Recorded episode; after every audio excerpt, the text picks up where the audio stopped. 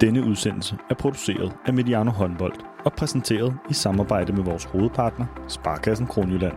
Mange af os oplever, at verden buller afsted. Men hos Sparkassen Kronjylland tager de sig tid til det, der tæller. Tid til at gøre sig umage. Det forsøger vi også på Mediano Håndbold. Sammen med Sparkassen Kronjylland tror vi på, at tiden vi investerer gør forskellen. Rigtig god fornøjelse.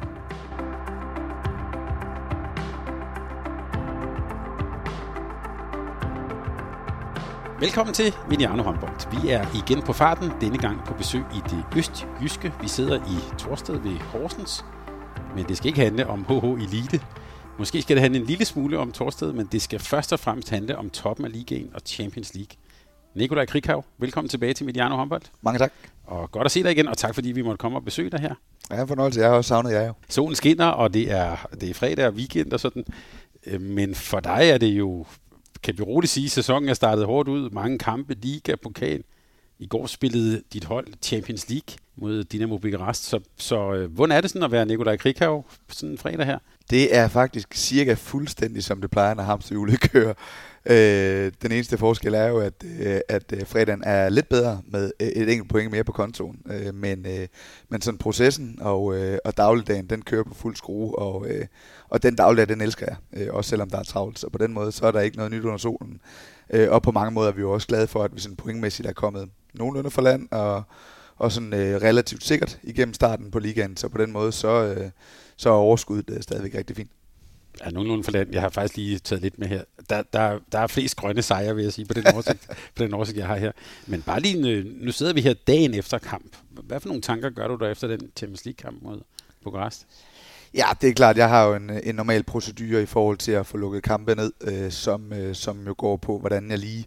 Øh, jeg har faktisk ændret den lidt den her gang, men normalvis skal jeg jo hjem og bearbejde øh, sådan følelserne øh, efter kampen, og, og uanset hvor sent vi kommer hjem, så, så plejer jeg lige at få set den en enkelt gang, for lige at sådan afkode, hvad var følelser, og hvad er det, jeg skal kigge på i morgen. Den, den, vi kom lidt tidligt hjem i går faktisk. Vi var allerede hjemme ved 11-tiden, halv 12 eller sådan noget, så, så jeg kunne faktisk nå at få søvn, så det er alt, jeg lige at prioritere den her gang, og skal så i gang med det i dag. Men, men vores udgangspunkt er jo, at vi, at vi er rigtig glade for at få bekræftet, øh, at den måde, vi ønsker at spille Champions League-kampene på, det kan vi også godt få nogle point på. Øh, nemlig at, vi kan jo godt se, at, øh, at vi, øh, vi er nødt til at være et hold, der laver mange mål. Vi kan godt se, at vi er nødt til at, at, at investere i de der løb, hvis vi skal have en chance mod de der øh, hold, vi møder her. Øh, og det at få bekræftet, at vi kan lave mål også mod så dygtigt et hold som Bukarest, øh, det er positivt. Så er vi også helt med på, at øh, vi vidste godt, inden vi gik i gang, at vi får en, øh, en kæmpe udfordring med vores størrelse øh, og med vores øh, fysik rent defensivt. Og det fik vi da så sandelig også bekræftet i går, at der er noget at gøre. Så når du spørger til, hvordan øh, Øh, sådan en fredag her, så er det jo øh, en balancegang mellem at finde, øh, finde ud af, øh, hvad, hvad, hvor meget tid kan jeg bruge på lige præcis i går, hvad skal vi have med videre? Hvad skal vi lære, som passer ind i den næste Champions League-kamp?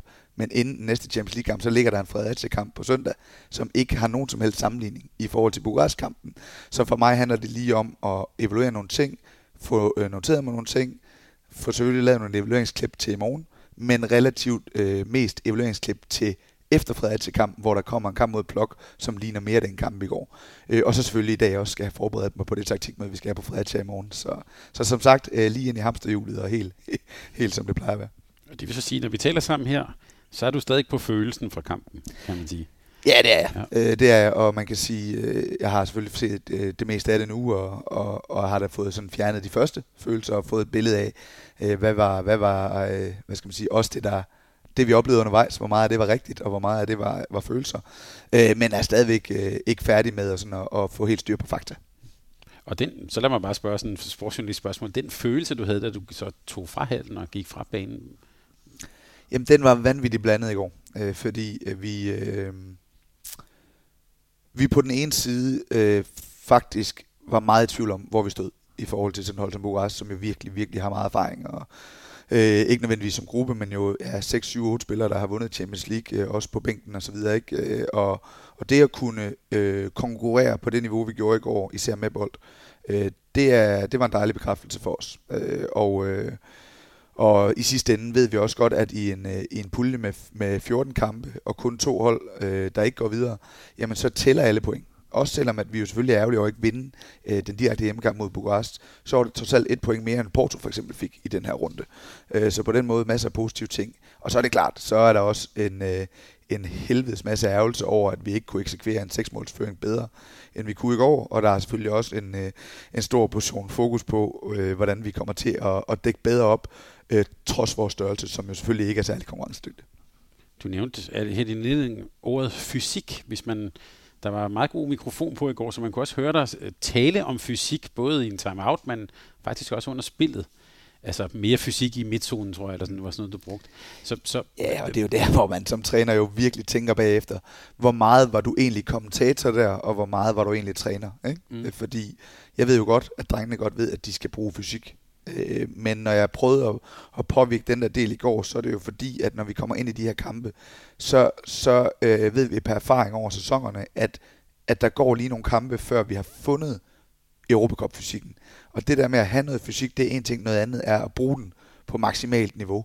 Øh, og der var vi ikke dygtige nok til i går, synes jeg, især når vi kom ind i de der opbakningssituationer øh, indcentralt, øh, og få stået nok imod. Jeg ved, vi kan jo ikke matche Bukarest fysik, så på den måde ligger der også noget sandhed i, at vi skal finde ud af, hvordan er vi så smartere end vores modstandere. Men det er klart, at bundlinjen bliver bare øh, for mange gange i går, synes jeg, øh, og derfor var det mit fokus, øh, at vi blev most for meget baglæns, øh, inden, inden hvor det sådan gjorde rigtig ondt, i stedet for at blive most baglæns ude på kanterne. Og bare sådan for at være helt konkret, når man siger, vi skal bruge noget mere fysik. Hvad er det, hvad er det som man mener? Jamen, i går der mente, det kan være meget forskelligt, og det er derfor, jeg siger, at man skal passe på, at man ikke bare bliver kommentator, mm. Øh, der står og, og, og derude på sidelinjen, man prøver at, hvad skal man sige, komme med noget konkret adfærd. Og det er klart, der har jeg selvfølgelig en forhåbning om, at vores dagligdag øh, har givet drengene en, en fælles forståelse med mig i forhold til at sige, når jeg snakker fysik i den sammenhæng, så ved alle, hvad vi snakker om. Og lige præcis i går, jamen der er det jo modstandsdygtigheden, når opbakningssituationerne kom. Det er jo ikke fordi, at øh, Anders ikke prøver at takle hårdt ud på 11 meter på krydset, og det er ikke fordi, vi ikke prøver at stå imod en stregspiller, når han får bolden. Men det der med i går at være langt, langt hårdere og tidligere øh, på opbakningssituationerne, det var der, vores fysik manglede i går. Allermest, synes jeg. Og som jeg sagde, I startede med mange sejre, og så en uafgjort her.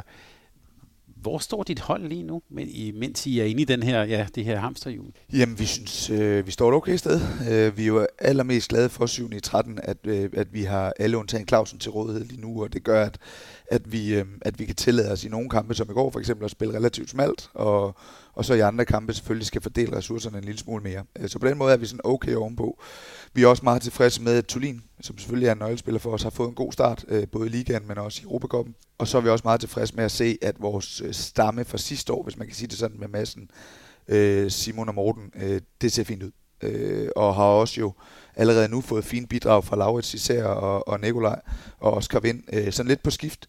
Så på den måde synes vi, at vi samlet set øh, står et rigtig fint sted i forhold til de øh, hvad skal man sige, mange nye ting, vi skulle have til at virke øh, på relativt kort tid. Øh, så er vi også helt opmærksom på, at vi er, vi er på ingen måde sådan på guldniveau eller på øh, slutspilsniveau, men, øh, men det var vi heller ikke sidste år på det her tidspunkt. Så, så sådan overordnet set øh, er vi meget tilfredse med at have fået en, øh, en god pointhøst, øh, og også langt hen ad vejen øh, noget okay spil, inden, øh, inden det sådan for alvor bliver svært.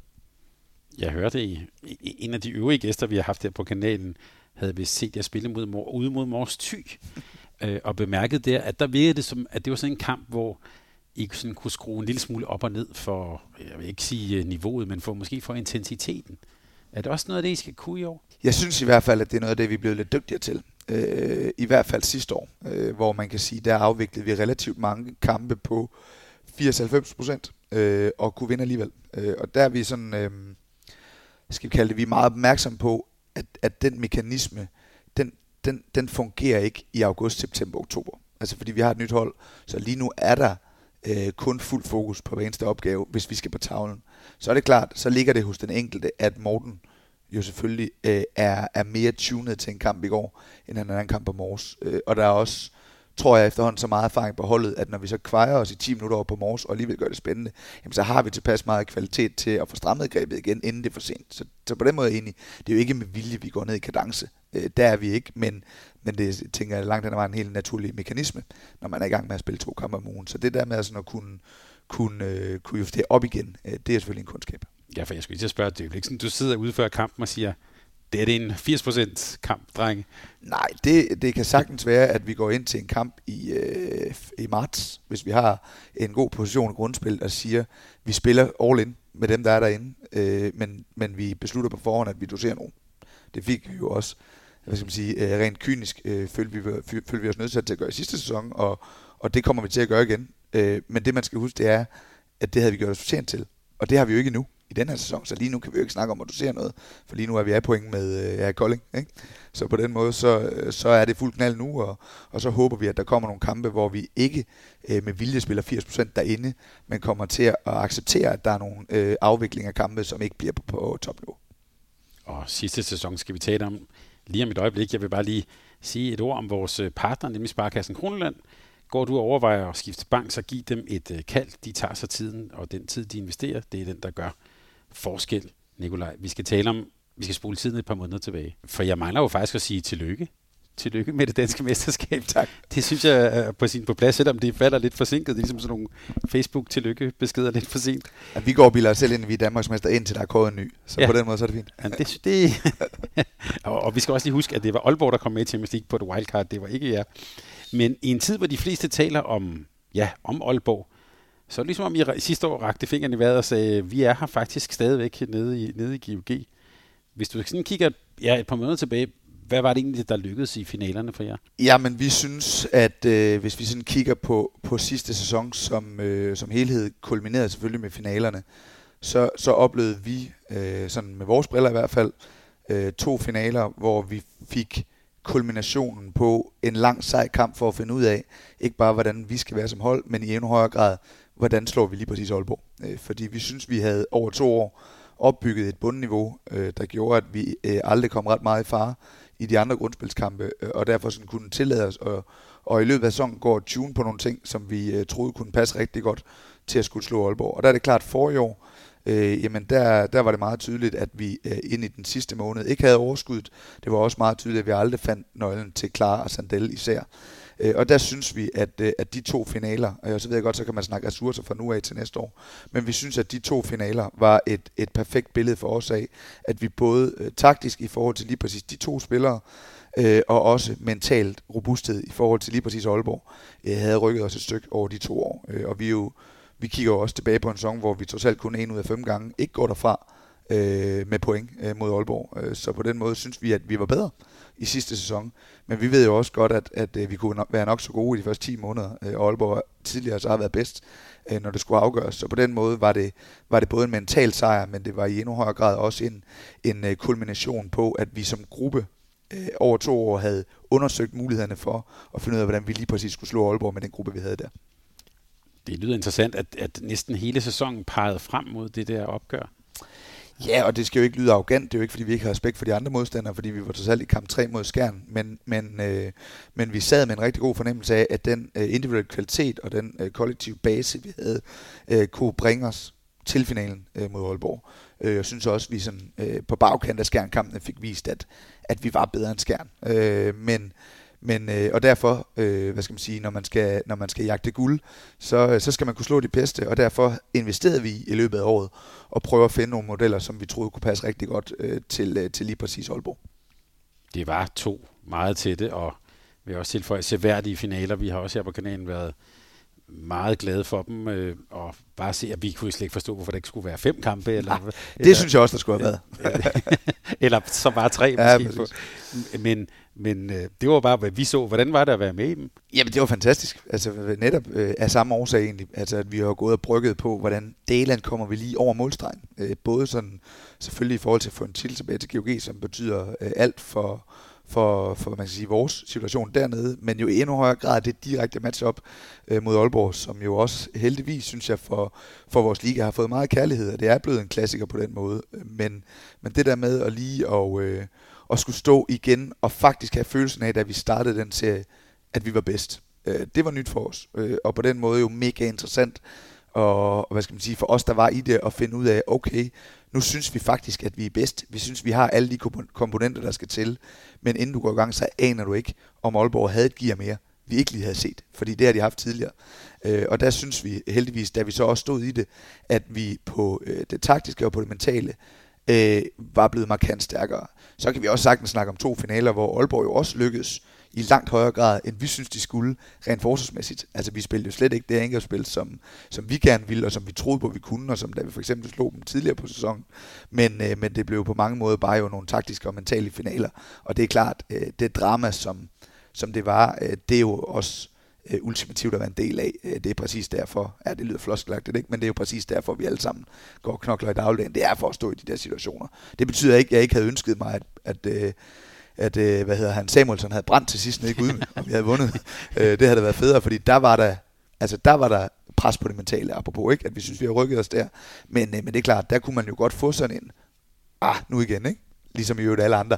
Øh, men der havde vi, synes jeg, nogle rigtig gode dage der mellem finalerne, hvor vi sådan fik bekræftet hinanden i, at vi faktisk synes, vi var dygtige at holde Aalborg. Lå den lidt i baghovedet, den der nu igen ting, at det gjorde den helt, helt sikkert hos nogen, og, det, og, og, og lige så vel som vi jo over sæsonen havde knoklet med at finde nogle komponenter, som i spillet kunne passe, så har vi jo over øh, mange år nu knoklet med at finde ud af, hvordan vi rent mentalt skal håndtere de der situationer, fordi vi er jo ikke bare blevet mødt af, øh, at Aalborg og Goderne skal afgøres. Vi er jo også blevet mødt af for nogle år siden, øh, at vi ikke var så gode, når det skulle afgøres. Så var vi for unge, og så var vi for uprøvede. Og så, og du ved, så har vi hele tiden fået lagt nogle lag på. Og der synes vi, øh, da vi gik ind i sidste sæson, at vi stod et sted, hvor vi både på erfaring, på robusthed, på mentalitet, var kommet til et sted, hvor vi også var gode nok til at, at skulle afgøre tingene.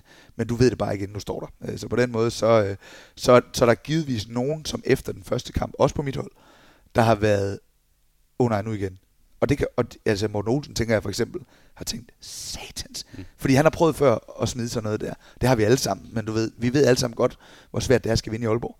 Så på den måde, så kan man jo ikke øh, fortænke folk i at tænke, det var satans, den skulle vi have vundet. Det er noget lort nu.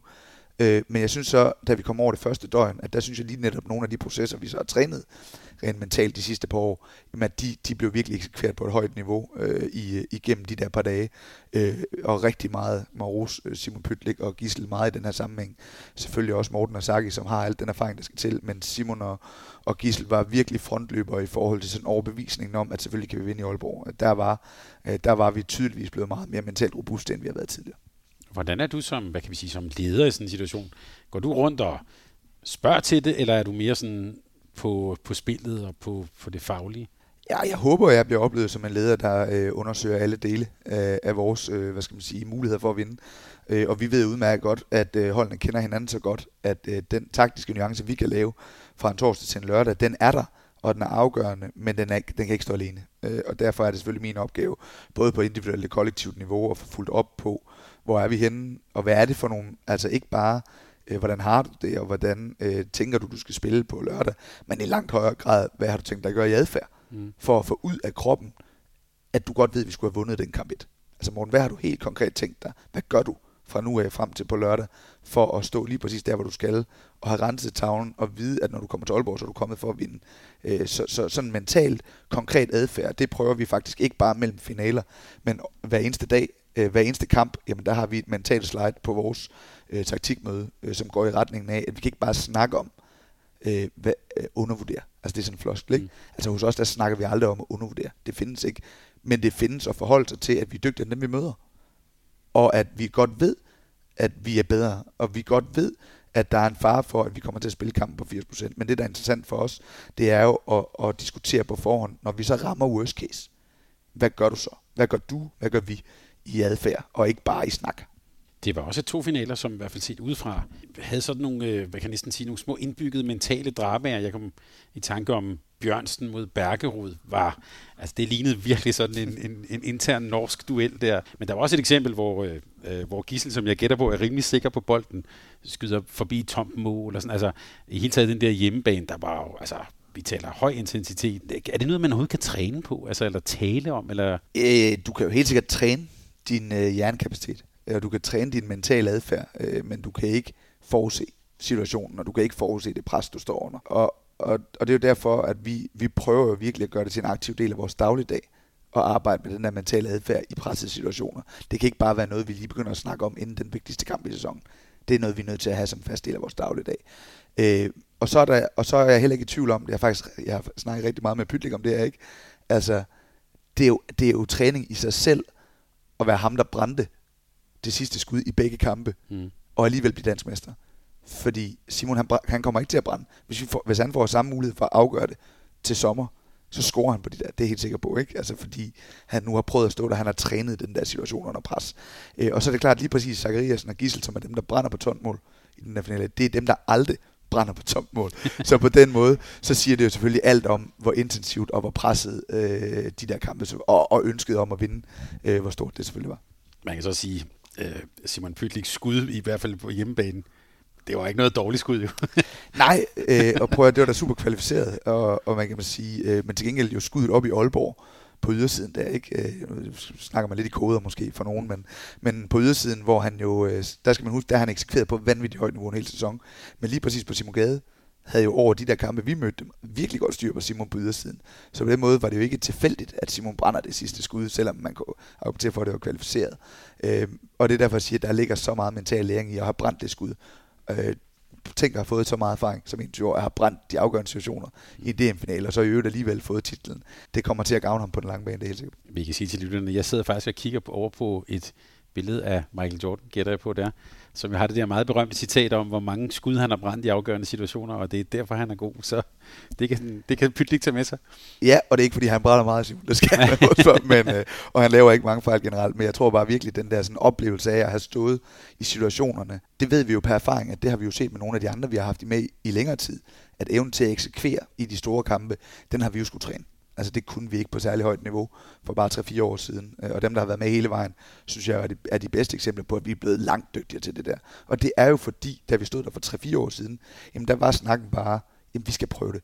Altså vi er simpelthen nødt til at have noget erfaring i at spille de her kampe, før vi kan forvente, at vi eksekverer på højt niveau. Og der synes vi, vi kom til et sted sidste år, hvor vi både havde øh, kvaliteten, men også erfaring i relativt mange store kampe.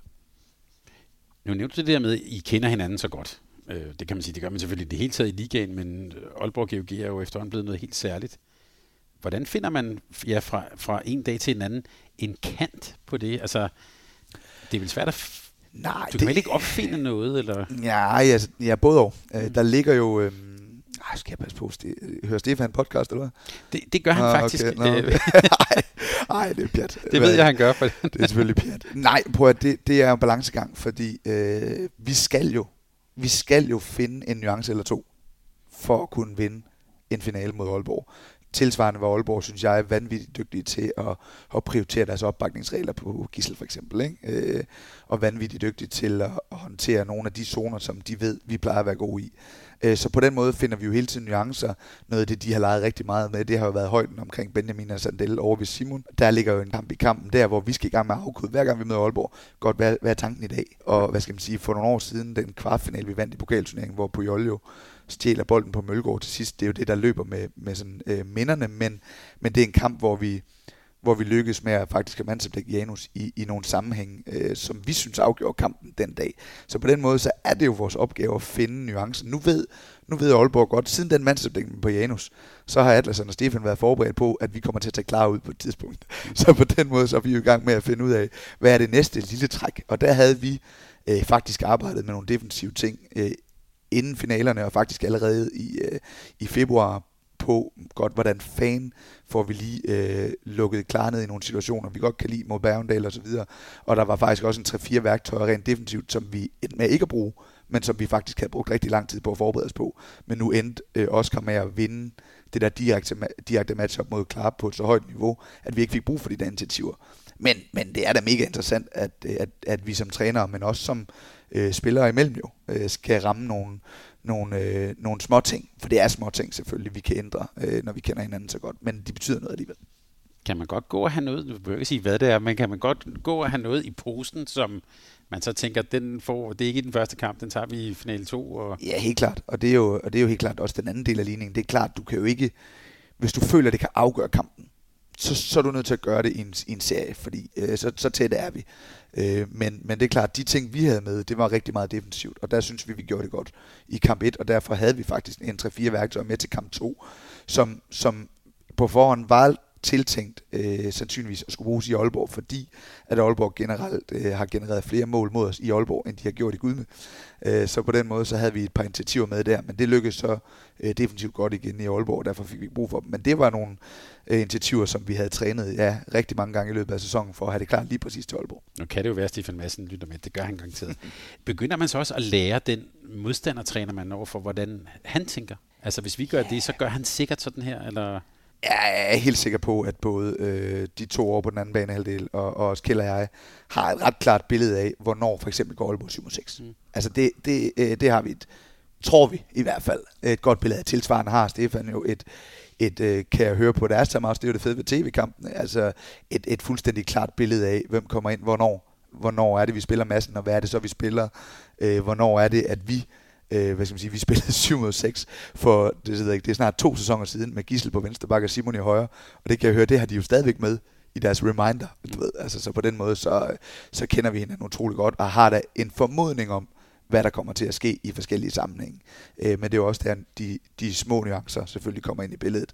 Øh, og, det, og det er sagt med kæmpe respekt, for jeg synes virkelig, at, øh, at de er svære at spille mod. De to over på den anden bane, de, de er dygtige og, og virker til at virkelig komplementere hinanden på et, et utroligt højt niveau. Så, så det er da, altså for Kjell og jeg er jo et helt fantastisk øh, hvad skal man sige, case i løbet af sådan en sæson, og bygge, et, øh, og bygge konkurrence op, men også jo en fantastisk relation i øvrigt øh, til de to oppe i Aalborg det, det er sjovt, du sagde det der med, hvornår man træner, hvornår man kommentator, fordi faktisk både du og Stefan Madsen, I er nogle gange for os tv-seere ret gode til lige at sige, nu kommer der det, eller nu det vi ser nu er, eller sådan noget. Det, det er også en del af dit sprog, øh, at, at du siger, nu for eksempel kan jeg huske, du sagde øh, i den første finale, mener jeg, Arne Palmerson kommer ind, så siger du, nu er det ham, der er inde i zonen, eller sådan noget. Nu er det ham, vi skal holde. Det er jo også lidt en kommentar på, hvad er det for en, hvor er kampen på vej hen? Hvad er kampens puls i virkeligheden? Ja, der, der er vi jo, synes jeg, i skillet mellem at være kommentator, men også træner. Der synes jeg faktisk, at jeg prøver at være træner, ikke? Fordi når jeg siger, vi, der er jo ikke nogen af os, og det er jo også, når jeg er ude og, og undervise de næste trænere, der er jo ikke nogen af os, der ønsker at sige dårligt skud, eller godt skud, eller du skulle have spillet bolden der, eller sådan. Altså, det ved drengene godt på det niveau. Men det, det jeg tror, at de har behov for at vide i sådan en situation, det er jo, prioriteter. Sige, vi, vi ved nu, at hvis Palmerson kommer ind i kampen for alvor, så bliver det ligesom i pokalfinalen. Så kan vi ikke styre det. Og den øh, forudsigelse havde vi jo øvrigt også inden pokalfinalen, at det var en af hans type kampe. Ikke? Øh, der lykkedes vi bare ikke med at holde ham ud af det. Og det gjorde vi jo heller ikke rigtigt i kamp 1 nede i Gudme. Men, men det er jo et billede af for mig at sige, at vi kan ikke, vi kan ikke når der er så meget pres på, og det er så intenst, så kan vi ikke komme med mange ord. Men vi er nødt til at have nogle keywords på at sige, godt, nu er prioriteten at vi tager Palmerson ud, og så må vi i den sammenhæng sidste år leve med Bjørnsen, for eksempel. Ikke? Øh, det, det er jo, øh, det, det, der prøver vi at være sådan lidt konkrete på vores prioriteter, og dermed også vores adfærd. Det ved drengene jo godt, hvad, hvis, hvis det er vores prioritet, jamen hvad er vores adfærd så? Det håber jeg i hvert fald. Øh, men, øh, men kommentatordelen, hvor vi bare sådan står og, og hvad skal man sige, ærger os, eller vi kommenterer på noget, som drengene godt ved i forvejen. Det prøver jeg virkelig at luge ud i, men der er ikke nogen af os, der er, der er i mål på det der. Øh, vi kommer alle sammen til i ny og næ, og, og irritere os over, hvorfor fanden du nu ikke holdt på den yderside, selvom at man, man udmærket godt ved, at han skulle holde på den yderside. Og, og den der sådan hektiske atmosfære, specielt jo i, i, i den første finale, der var jo den hele den gule væg dernede og sådan. Det, at det bliver så hektisk, er det til, er, er det til jeres fordel i sådan en kamp der? Det vil jeg, det vil jeg tidligere have sagt, at det var. Øh, hvis, vi, hvis vi tager Lasse Møller-årene øh, for eksempel, ikke? så vil vi jo gerne have øh, hvad skal man sige, Chubang. Øh, fordi Aalborg var så dygtige på deres metode, at det var en forudsætning, at vi skulle holde Aalborg ud af metoden. Øh, men det viste sig bare alligevel på bagkant, at, og nu ved jeg godt, det var marginalt, måske det år med Savstrup scoring og sådan noget, men, men det viste sig bare på bagkant, at de var dygtigere til at blive i metoden under pres, end vi var dygtigere til at administrere Chubang, kan man sige. Øh, de sidste to år, med det hold, vi havde øh, de sidste to år, der synes vi, vi har rykket os vanvittigt langt. Og netop fordi vi har fundet, øh, det var første gang, vi prøvede at have den samme bagkæde, for eksempel to år i træk. Øh, så der fandt vi en helt anden base, og, og, og havde jo en, faktisk en kæmpe tro på, at vi for eksempel ikke behøvede at vinde kontrakampen for at slå Aalborg, fordi vi synes, vi var bedre på buerne i mange sammenhænge. De er selvfølgelig også bedre end os i mange sammenhænge, men der var, synes vi, tilpas mange parametre, hvor vi øh, følger os dygtigere end Aalborg til, at, at det ikke behøver at være Chubank. Øh, så når vi snakker intensitet på hjemmebane, så er det jo selvfølgelig øh, i forhold til drive, og hvor meget blod på knæene er jeg villig til at, at tage, og hvor meget pres kan jeg lægge på min direkte modstander, osv. osv., osv. Øh, vi, vi føler ikke, vi er, vi er der mere, hvor vi sådan har behov for at gøre kampene mere vilde, end, øh, end, øh, end, øh, end vi selv kan administrere. Øh, det, det skulle vi tidligere, følte vi, for at kunne matche Aalborg, men der var de alligevel dygtigere til at, at blive det, end vi var. Og nu har, vi, nu har I jo sendt ham til Berlin. Kan du ikke lige fortælle lidt om processen omkring Mathias Gissel. Altså det, det lignede jo set udefra, det var jo virkelig en helt fantastisk romanfortælling, I lavede der. Ja. Så kom han ind på banen, så kom han ind på scenen der til sidst, og ja, hvordan var processen? Altså, du tænker konkret i sidste sæson med skaden og... Ja, og- og det her med, altså, der blev meldt først noget ud, og så, så kunne man godt høre lidt på vandrørene, at måske gik det lidt bedre med genoptræningen, og Ja, altså det er klart, da vi får, øh, øh, hvad skal man sige, øh, besked om, at det var bagerste korsbånd, øh, der i, i øh, et, et par dage efter slutrunden, der, der står vi med et klart billede af, at alt, som i alt skal klappe, hvis han skal nå at komme i spil øh, til en semifinal. Øh, og det er klart, der har vi ikke nogen interesse i at, at sætte pres på Gissel i hans genoptræning, for, og derfor melder vi ud, som vi gør, han er færdig. Øh, så går der en, øh, en 3-4 uger, hvor at Gissel ikke tror på, at han kommer tilbage, fordi vi jo alle sammen har et fælles ansvar for Gissels karriere, og selvfølgelig ikke skal løbe nogen risiko med mandens knæ. Øh, men, men derefter, øh, så har vi øh, en er helt uvurderligt dygtig sundhedsstab øh, til at tage sig af sådan en genoptræning. Øh, og Gissel øh, viste et nyt niveau af hans commitment til øh, ting, som han ikke har prøvet før, altså røvsyg genoptræning. Der, der leverede han på et uhyggeligt højt niveau mange, mange timer om dagen. Og det er klart lige præcis med bagerste korsbånd, som jo er, øh, og det er ikke for at skal være nørdet omkring det, det er et spørgsmål om, hvor hurtigt kan du gøre det stærkt nok og stabilt nok. Øh, så er commitment en nøgle til at nå at blive klar. Og det er klart, da han får at vide, jamen du kan selv være med til at styre, ikke 100%, men du kan være med til at styre rigtig meget af, om du skal nå at komme på banen igen. Øh, fra det sekund, der oplevede en gissel, der, der sammen med vores sundhedsstab øh, er leveret helt ekstraordinært godt. Og så kommer vi ind i de sidste par grundspilskampe, og der har vi et klart billede af, hvis vi, hvis vi gør det godt i starten af grundspillet, så kan vi nå at få Gissel med. Eller undskyld, i starten af, mm. af slutspilspuljen, der kan vi nå at få Gissel med. Øh, og der lykkes vi så lidt højere, eller på lidt højere niveau i de første 3-4 kampe, med, med masser af skader. For eksempel sejren op i Aarhus med, med ni mand ude øh, mod et godt Skanderborg-hold. Den bekræfter øh, os i, at vi ikke behøver at bringe Gissel før semifinalen. Øh, han kunne godt være bragt måske en-to kampe før i nogle få minutter, men der tager vi beslutningen om, at så prioriterer vi træningerne lidt højere, end vi ellers gør i den fase øh, normalt, hvor vi prioriterer meget taktik og kamp. Fordi vi var sikre på semifinalen, så kunne vi begynde at koncentrere os om øh, og lidt sælge en kamp op i BSH, øh, holdt op imod, at vi til gengæld kunne få nogle gode træninger med Gissel allerede der. Og derfor er vi helt trygge ved, at han for eksempel starter ind allerede i den der skærmkamp øh, i semifinalen. Så, så det er, det er sådan midt i slutspilspuljen, at vi afgør godt, vi venter. Øh, til gengæld, så, når han er med, så skal vi ikke ind i sådan noget med, at øh, ah, vi skal også holde massen lidt i gang, fordi han har spillet godt. Og sådan. Nej, når Gisle er med, så er han med, så går vi all in, fordi vi troede på, at, at det var den rigtige vej, både til at få det bedste ud af massen i de minutter, han så skulle spille, men også til at få den rigtige gissel. Øh, og så er det mega nemt at sige på bagkant, det lykkedes fint. Det, det kunne sikkert også have været øh, noget rigtig skrammel at lade ham starte inden, og det kunne også sagtens være, at det var gået alligevel. Det aner vi ikke noget om. Når du fortæller her, så det lyder næsten som en historie, når vi mødes en gang om 20 år og skal fortælle den igen. Det er en, du kommer til at huske den her sæson.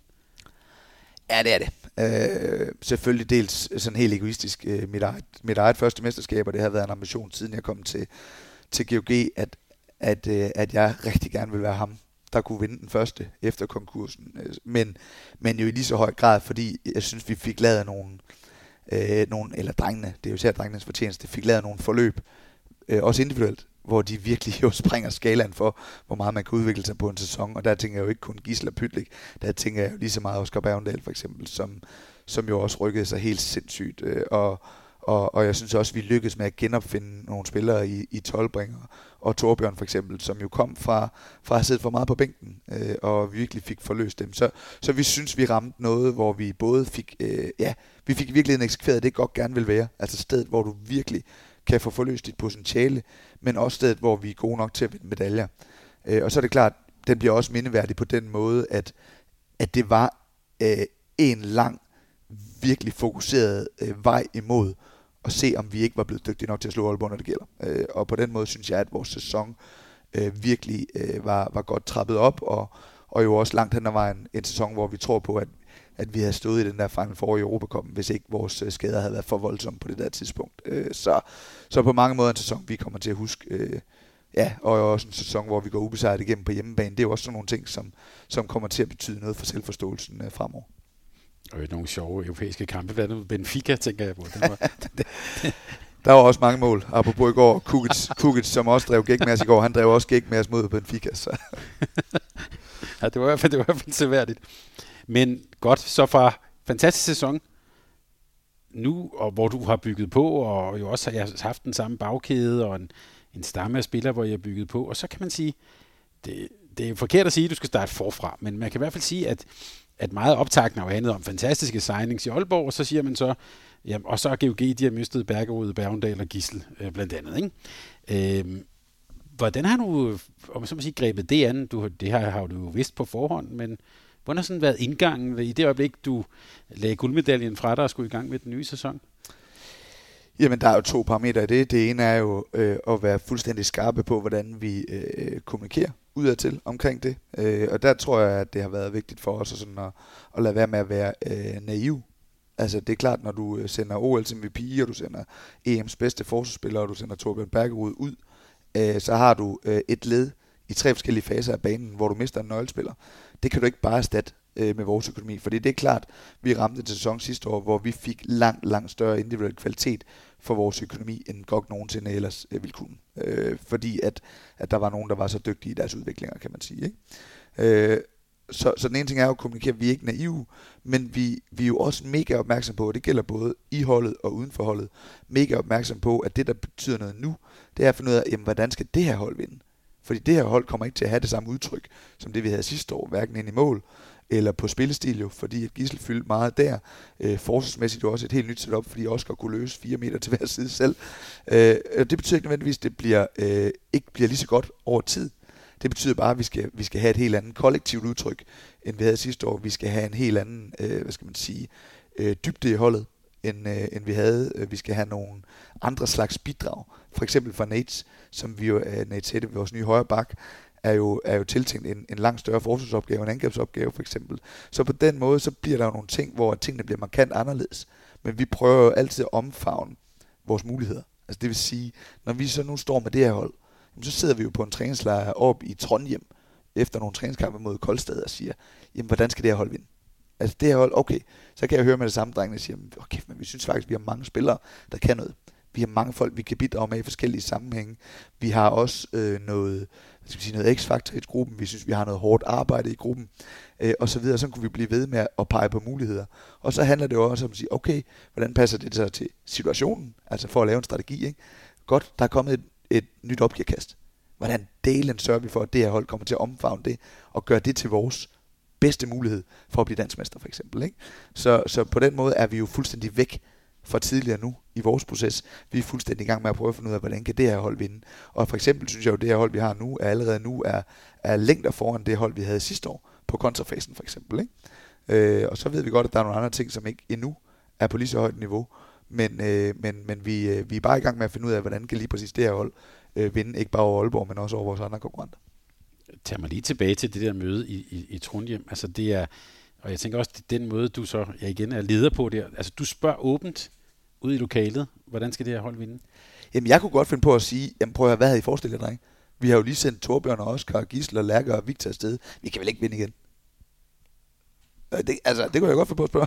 Men selvfølgelig for at, at sætte uh, lidt ild til og sige, hvad, mm, fint nok, hvis I siger, vi kan vinde igen, det er jo det første, de siger. Det er de helt overbevist om. Og det er jeg også helt overbevist om. Men så er det klart, så er vi nødt til at underbygge, jamen, hvordan kan vi så vinde? Øh, og, og det der, så kommer vi til, øh, håber jeg, og det er jo altid øh, hvad skal man sige, bare et ønske for lederen, at det lykkes. Men der håber jeg jo, at vi kommer til at kombinere øh, hvad skal man sige, øh, øh, tanker, øh, idéer, øh, positiv øh, syn på egne opgaver, med at så over tid, når vi får sat en masse inputs ind i, jamen hvordan tror vi så faktisk på, at vi kan vinde til sidst. Det er godt, så skal vi begynde, og så skal vi i gang med at finde ud af, hvordan får vi så rent strategisk de ting til at virke over tid.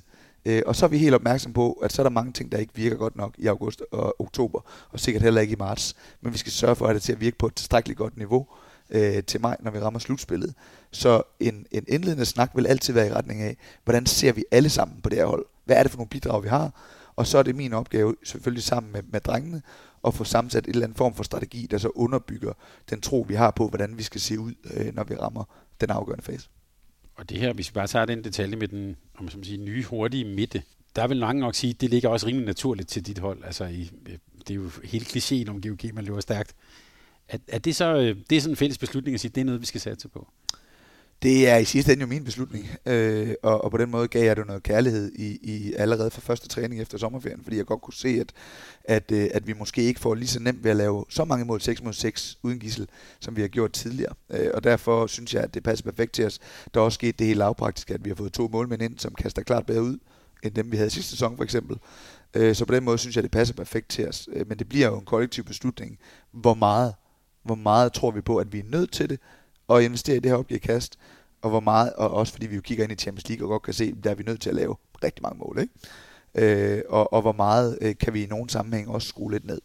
Øh, så det er rigtigt, det bliver en strategisk beslutning, når der kommer sådan en, en ny regel, og siger, godt, den, den synes vi passer godt til vores hold. Øh, det gør den, fordi det er det, er det. Og så kigger vi selvfølgelig også på, hvad er det for nogle, hvad er det for nogle worst cases, der ligger i forbindelse med at gå all in på at prøve at blive et godt kontohold igen. Fordi det er klart, det ligger i vores DNA, det er du helt ret i. Men vi, men vi kigger jo også på måske to, i virkeligheden tre sæsoner, hvor vores kontraspil ikke har været i vores verden på tilstrækkeligt godt niveau. Øh, så er vi blevet langt bedre til at, at, at få Oscar til at vinde dueller. Vi er blevet bedre til at med Morten og, og alt det her. Men, men vores kontraspil isoleret set, jamen der har jeg jo de sidste par sæsoner kunne, kunne pege på et par hold, der var mindst lige så gode som os. Og det, og det bryder vi os ikke om. Så nu vil vi til at være bedst igen. Ja, da jeg var så fræk at se klichéen, så er det også fordi, at der findes jo data på, nogle sæsoner er det jo ikke GOG, der scorer flest kontramål, øh, men det ligger jo i hele sådan fortællingen om de gule trøjer og røde bukser, så løber man stærkt.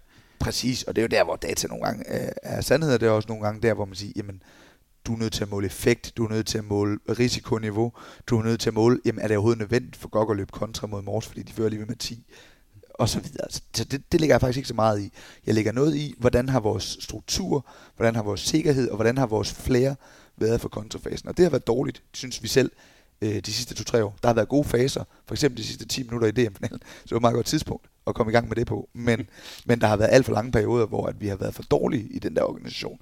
Og der, der vil vi i den her sæson, og det er også fordi det er vores overbevisning, at det skal vi være, hvis vi skal vinde igen, øh, der vil vi øh, tilbage til at være rigtig dygtige i den del i vores uh, ligaoptakt her på kanalen. Det var med Sonny Larsen og en, du kender udmærket, nemlig en Jesper Fordin. Har I snakket om, at jeg vandt over ham egentlig i den pokalkamp? Der det var det første, jeg spurgte ham om. det var godt. Ja, det var det første, jeg spurgte ham om. Han synes, det var meget uretfærdigt. Ja. Ej, det, øhm. Han havde også travlt med dommerne. Lige så travlt som Bo havde faktisk. I øvrigt, I øvrigt meget skægt, fordi det vi faktisk talte om der, var handlede faktisk om fysik. Altså fra første division til liga, og, og lidt den samme snak, bare et, et andet niveau højt, et andet niveau skridt, kan man sige. Ja, det er fuldstændig samme mekanisme. Øhm, ja, så men, ja, det kan du gå tilbage og høre. Men det jeg bare vil sige, det var i den, øhm, i den samtale, der talte vi lidt om det her med, at både GOG og Aalborg jo skal ud og spille Champions League. Det er faktisk det program, som du er inde i nu. Øhm, og jeg spurgte sådan lidt, hvordan planlægger man det? Øh, og der var Sonny så færre at sige, det har jeg et bud på, men jeg har aldrig prøvet det. så det synes jeg var et udmærket svar. Så, øhm, så, så vil jeg spørge dig, hvordan planlægger man sådan en hel sæson med altså, en stor trup, mange kampe, mange ting, man gerne vil? Hvordan, ja, hvordan går man til det? Jeg ved ikke, hvordan man gør, men jeg ved, hvordan vi gør. Øh, og vi prøver selvfølgelig at... Øh, hvis vi skal starte fra starten af. Vi, vi er jo inde i en, i, en, øh, i en tid i håndbolden nu, hvor det, der hedder off-season, er utrolig kort. Og det vil sige, at vores mulighed for at bygge på rent kilomæssigt øh, og konditionsmæssigt osv., jamen de er markant dårligere, end de var før i tiden. Så vi har gjort det, at vi bare gik i gang med at træne håndbold øh, med det samme og komme i spilleform. Øh, og så er det klart, så, så øh, spørger du selvfølgelig til, hvordan, hvordan får du lavet øh, en, en, en strategi for en hel sæson, så du ikke på ressourcer dør i begge turneringer i virkeligheden, eller i alle tre turneringer. Øh, og der synes vi lidt, at vores erfaring er blevet, i hvert fald hos os, at at vi kan ikke, vi kan ikke beslutte på forhånd, hvordan vi, vi vil dosere. Men vi kan beslutte på forhånd, hvad vores strategi er i forhold til det. Øh, og hvor vores målsætning er. Men vi ved også, at øh, så går der fire kampe, og vi, har ikke, vi kan ikke gætte på, hvem er det lige derude. Det vil sige, vi kan godt have en plan om, at vi så doserer Simon i nogle ligakampe for at prioritere ham mod Bukarest og Blok. Og det kan også være, at vi har en plan om, at Vestpræm ude, hvis ikke lige det lykkes for os, at Simon måske ikke skal spille de sidste 20 minutter. Men vi kan ikke vide det på forhånd. Så vi kan kun have et, et strategisk billede af, jamen, hvad er vi nødt til? Altså, hvad, hvad er til diskussion, og hvad er ikke til diskussion? Jamen, det er ikke til diskussion, at vi, øhm, at vi op mod den første landsholdspause her, er all in på at få så mange point i banken som overhovedet muligt i begge turneringer. Om, vi så, om det kræver, at vi spiller smalt. Fordi her er folk stadigvæk friske. Det er heller ikke uden for diskussion, at når vi så kommer efter landsholdspausen i oktober, så ved vi godt, at med en landsholdsuge, hvor der sikkert også er nogle nøglespillere, der er med, og så et fuldstændig crazy fit men også hårdt program fra midten af oktober og frem til 21. december, der kan vi ikke spille smalt i alle to måneder. Det, kan, det kan simpelthen ikke lade sig gøre. Og det gælder uanset om vi får skader eller ej. Så der er det klart, der er vi nødt til rent strategisk at beslutte på forhånd, at der kommer nogle faser, hvor vi uanset hvordan det går på tavlen, er nødt til at prioritere større bredde, end vi for eksempel gør lige nu. Og der er det klart, der er det en strategisk beslutning at sige, jamen lige nu, der kan jeg godt spille smalt. Efter landsholdspausen, jamen der er jeg nødt til at involvere flere folk, end jeg har gjort indtil nu. Øh, så på den måde er der jo en strategisk øh, overligger, men vi kan ikke, vi kan ikke detaljeplanlægge det, fordi vi ikke aner, hvordan går det med massens knæ, hvem, bliver, hvem brækker lige om på en ankel, hvem får lige en karantæne og sådan noget. Og hver gang der er noget, der forskyder sig bare en lille bitte smule, jamen så bliver der drevet mere på nogle andre. Øh, så på den måde, så, så kan vi ikke detaljeplanlægge det, men vi kan beslutte på forhånd, hvor langt er vi villige til at gå på udtømningen af nøglespillernes ressourcer før jul. Hold op imod, at vi også gerne vil stå godt øh, til mig. Men det hele bliver meget nemmere at vinde nogle kampe i starten. Det erfarer vi sidste år, at vi rent faktisk havde fået så godt overskud, fordi vi havde mange point på tavlen i ligaen, at vi kunne rent faktisk dosere og spare nogle folk i både grundspilskampe, men også i nogle slutspilskampe, fordi vi havde gjort vores arbejde. Så tager vi en masse kampe her de næste tre uger, jamen så kommer vi ikke til på samme måde at kunne, øh, at kunne dosere ting.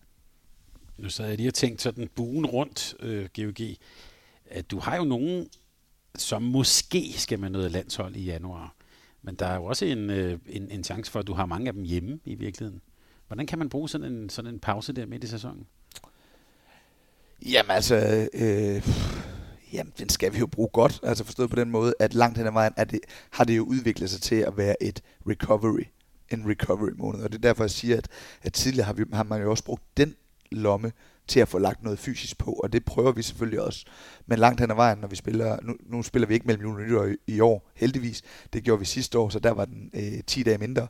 Nu har vi trods alt fra 21. december til, er det 8. februar faktisk først. Så der kommer både en recovery fase selvfølgelig, men der kommer også en lille genopbygningsfase rent fysisk. Øh, og så er det klart, har vi lige pludselig mange spillere hjemme, jamen så har vi måske virkelig en mulighed for at finde en taktisk nuance eller to til efter jul, men det har vi ikke prøvet de sidste par år, at have nok nøglespillere hjemme til, at det gav mening at prioritere noget som helst taktisk. Der har vi i langt højere grad sørget for, at folk de var friske, når vi mødte ind igen, øh, og, øh, og for, måske fået prioriteret, at nogle af dem, som ikke har spillet så meget, hvordan får vi givet dem lidt mere individuel træning i januar og sådan noget. Men hvis vi har mange hjemme, så er det klart, så er vi nødt til at kigge på, om vi ikke også kan få noget godt øh, taktisk ud af det. Men jeg tror også, det er vigtigt at sige, at det er en måned, i et år, hvor vi spiller mange kampe, så er det en måned, hvor der også bare skal være så lidt øh, mentalt øh, hvad skal man sige, vir- øh, tankevirksomhed som overhovedet muligt. De skal faktisk spekulere så lidt som muligt, de skal bare skyde. Hvordan tænker du om alt det her med don't play the player, så mange kampe og sådan? Hvordan ser du på det? Jamen, jeg tænker, at vi alle sammen elsker at spille kamp. Øh, og jeg, der er ikke nogen i hverken GOG eller Aalborg, jeg håber, tror heller ikke, det bliver casen i skærn, der ikke ønsker at spille mange kampe. Men jeg kan jo godt se, at når vi kigger på vores landsholdsspillere, der også spiller Champions League og, eller Europa League i øvrigt, så er det, så er det for stramt i OL især. Øh, så, så det handler jo om, at vi... Øh, ah, det, ja, det er der blevet snakket om tusind gange. Det handler om, at vi bliver bedre til øh, på alle instanser i håndbolden at finde nogle bedre perioder til at holde helt fri. Øh, det, det, jeg tror faktisk ikke, der er ret mange af os, der har noget imod at spille øh, 60-70 kampe på et år, øh, plus nogle landskampe, hvis vi også kan kigge ind i, at der på et tidspunkt er to, to og en halv, tre måneder uden kampe. Øh, Øh, men det er der jo ikke i OL-år, øh, og egentlig nærmest heller ikke i, øh, i, i normale år. Vel? Der, er, der er turneringen lang, så jeg er måske nærmest i, øh, og det er jo ikke fordi NBA skal være øh, overlæggeren for alt, fordi vi har ikke helt samme vilkår, men, men, øh, men, men jeg, er, jeg er mere derhen, hvor jeg sådan siger, hvis forretningerne og hvis produktet stadig skal være godt, ja, så skal vi skulle spille mange kampe, og jeg tror, at de synes, de spiller alt for få kampe i Mors Thy, for eksempel. Ikke? Øh, det håber jeg da i hvert fald, de synes. øh, men, øh, men, men vi er omvendt nødt til at kigge på, at de bedste spillere selvfølgelig også får nogle perioder, hvor de har muligheden for at bygge deres krop op igen. Det svarer meget godt til, hvad Henrik Vilgaard også har fortalt her på kanalen. De, de, de der uger, hvor man spiller kamp, der er man i kampmode. Yeah. øh. og der kan, prøv at høre, der er det jo, der er det jo nogle dieselmotorer, de der spillere, og det vi også øh, hvad skal man sige, kigger ind i, det er jo, at vi, vi er jo ret overbeviste om i Gok og Aalborg, tror jeg, at grunden til, at vi måske lige i de sidste par år har taget et lille afstand, til nogle af de andre hold i toppen af rækken, det er jo fordi, vi er blevet dygtige af at spille de der mange kampe og mange svære kampe. Så der tror jeg, at Skærm vil opleve i år, øh, at de også bliver gode af at spille de der Europacup-kampe, og forhåbentlig kommer både BSO og Skanderborg også ind i Europa League. Øh, og gør de det, så bliver vores samlede ligaprodukt også klart bedre, fordi de bliver bedre at spille de kampe. Men så lad os lige tage fat på øh, Aalborg og GOG. Det, det bliver næsten ligesom sådan øh, Jokeren, Batman, øh, Bo McEnroe. Det er sådan, ja. Men for at der skal være en god Åh, historie. det var, en- hvis du kan hive den derop, så, så er vi glade. ja, men det, altså, det, en god historie skal jo have to, ellers er det ikke så sjovt. Øh, og I skal jo faktisk øh, snart møde igen. Øh, Jeg ved godt, det er, for dig er det mange kampe forude, men...